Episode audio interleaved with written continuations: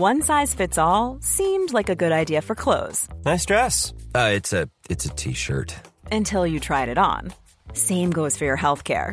That's why United Healthcare offers a variety of flexible, budget friendly coverage for medical, vision, dental, and more. So, whether you're between jobs, coming off a parent's plan, or even missed open enrollment, you can find the plan that fits you best. Find out more about United Healthcare coverage at uh1.com. That's uh1.com.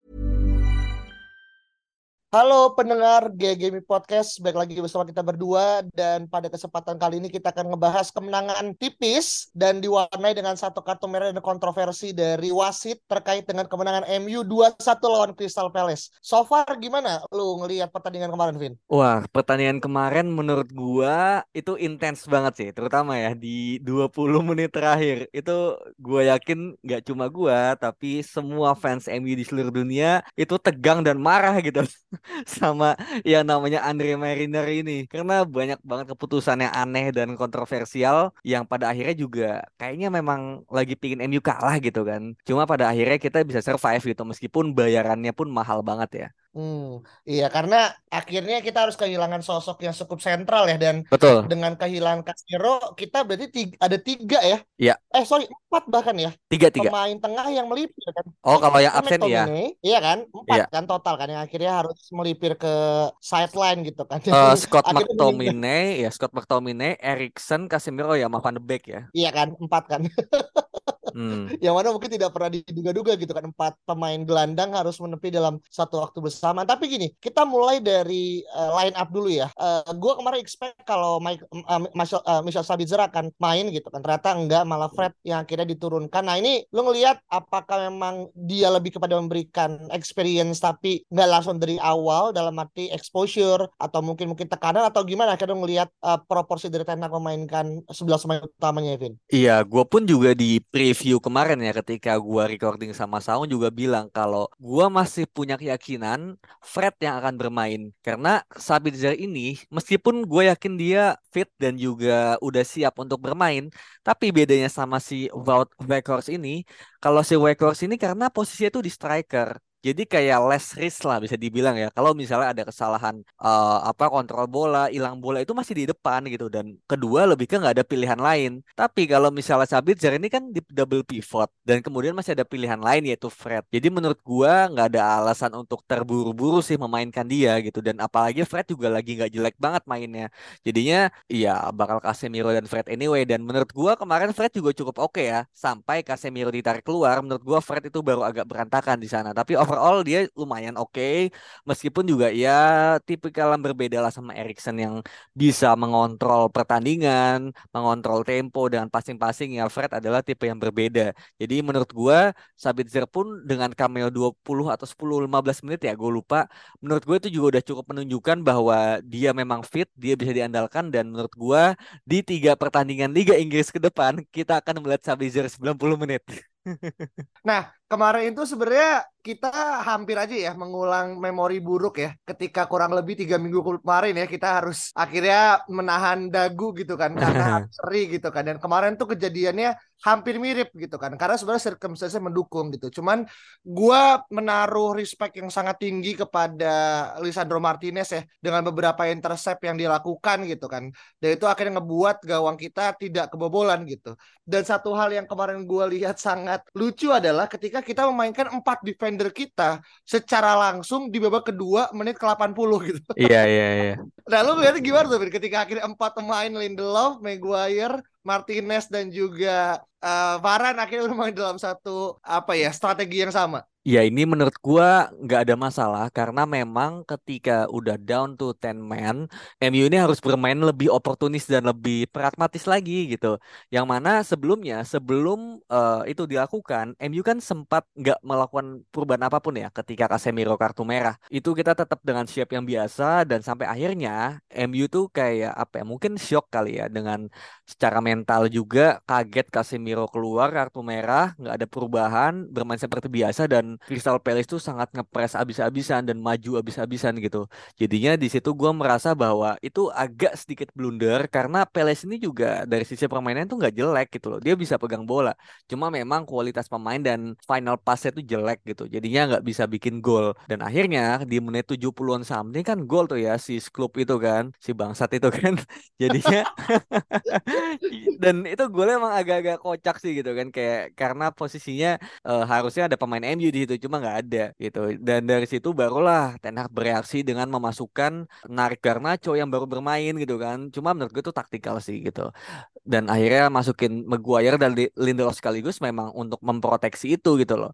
Maguire untuk uh, karena tahu bahwa apa ya kayak strategi MU adalah gimana caranya bola ini ke sayap dan dari sayap itu bakal dipaksa crossing gitu. Nah ketika crossing itu ada tiga back Maguire Martinez dan juga Varane. Dan Lindelof itu kan lebih kepada gantiin bek kanan kan Wan Bisaka yang memang ada dua atau tiga momen ketika Olise itu umpan jauh ya ke far post ke AWB AWB itu nggak aware lagi-lagi gitu loh. Persis kayak lawan Arsenal persis kayak zaman-zaman dia di musim-musim lalu gitu. Ketika diumpan ke far post belakangnya AWB dia tuh nggak aware sama belakangnya gitu. Dan kemarin ada momen di mana ketika diumpan ke sana AWB tuh kayak yang kayak apa ya gestur tuh udah kayak tenang tenang tenang tenang tenang tenang belakangnya ada pemain gitu. Jadi jadi memang memang apa ya bagusnya adalah Ten Hag ini udah sensing. Wah ini AWB bahaya nih. Langsung lah ditarik dan masukin Lindelof untuk langsung biar bisa dibuang lewat header gitu loh pakai heading gitu. Dibandingkan kalau masukin Dalo mungkin itu lebih kepada mau ofensif tapi ini kan kita yang gue bilang tadi kita harus pragmatis karena udah 10 pemain gitu sih. Dia menurut gue nggak ada masalah sih. Unik aja hmm. memang. Iya iya. Eh, berarti emang ini pure taktikal ya. Iya. termasuk yeah. juga mungkin kita harus menahan kesedihan karena Alejandro Garnacho ya. Ya akhirnya baru masuk di menit ke 60 something, 80 ditarik lagi gitu kan. Dan dia juga uh, mungkin ya uh, kecewa gitu kan karena dia juga duduknya di tangga gitu. di bench karena juga mungkin dia ngerasa kayak ya gua kecewa satu hal tapi kalau tim ini bisa gak jadi menang itu hal yang berbeda gitu kan. Yeah, yeah. Gue cukup yakin dia pun juga bisa berbesar hati lah melihat keadaan yang memang akhirnya tidak ada yang bisa apa ya memprediksi kalau uh, Casemiro melakukan tindakan yang sebenarnya nggak perlu ya gitu ya. Dan ngecekeknya pemain yang sebenarnya nggak dalam terlibat uh, ini gitu kan. Beda kalau dia ngecekeknya silap ya gitu. yang emang kita mungkin membuat Anthony uh, kompatriot senegaranya akhirnya harus uh, menepi dan jatuh ya ke sisi lapangan gitu. Menurut gue masih masuk akal gitu. Tapi ini apa Will Hughes ya yang sebenarnya lebih ke apa ya? Uh, kamerat gitu lah kita nyebutnya ya. Bukan orang yang akan terlibat konflik tapi ya ini what it is gitu. Nah, kalau menurut lu menurut lu sendiri kayak hmm. kartu merah itu gimana? Apakah memang Casemiro pantas atau sebetulnya ada hal lain yang lu lihat? Kalau misalkan gue nih ini ya, mungkin gue salah tapi gue coba kemarin habis ngebaca-baca beberapa referensi gitu kan. Uh, ada beberapa temuan yang gue lihat di mana kalau uh, pemain itu udah melayang, melayangkan tangannya itu ke bagian-bagian vital gitu kan, hmm. termasuk ini leher, itu uh, chance untuk mendapatkan kartu merah tuh akan most likely lah gitu. Walaupun itu red apa straight ya maksudnya nggak dia iya. nggak yeah. ada kartu kuning kan langsung kartu merah gitu tapi yang jadi kontroversial adalah ketika Andre Ayu pun juga melakukan hal yang sama sebenarnya gitu hmm. cuman uh, Ayu ngelakuin itu dalam kondisi yang sangat crowded gitu jadi kameranya VAR mungkin tidak menangkap momen di mana dia melakukan itu walaupun lebih sebentar ya beda yeah. sama uh, Casemiro yang kelihatannya tuh 6 detik 7 detik lah ya cukup lama itu dia iya iya dan kami ini huge kan tapi yang lucunya adalah kalau lu lihat di post dari uh, ininya dia tuh langsung uh, salah langsung pelukan lagi gitu. Yeah. Kasih juga Willy. Jadi gue nggak ngerti nih gimana apa betul, yang betul. terjadi gitu kan. Tapi menurut gue sih itu sih. Nah lu punya ini nggak apa namanya terkait dengan hilangnya Casemiro untuk mengenai match kemarin?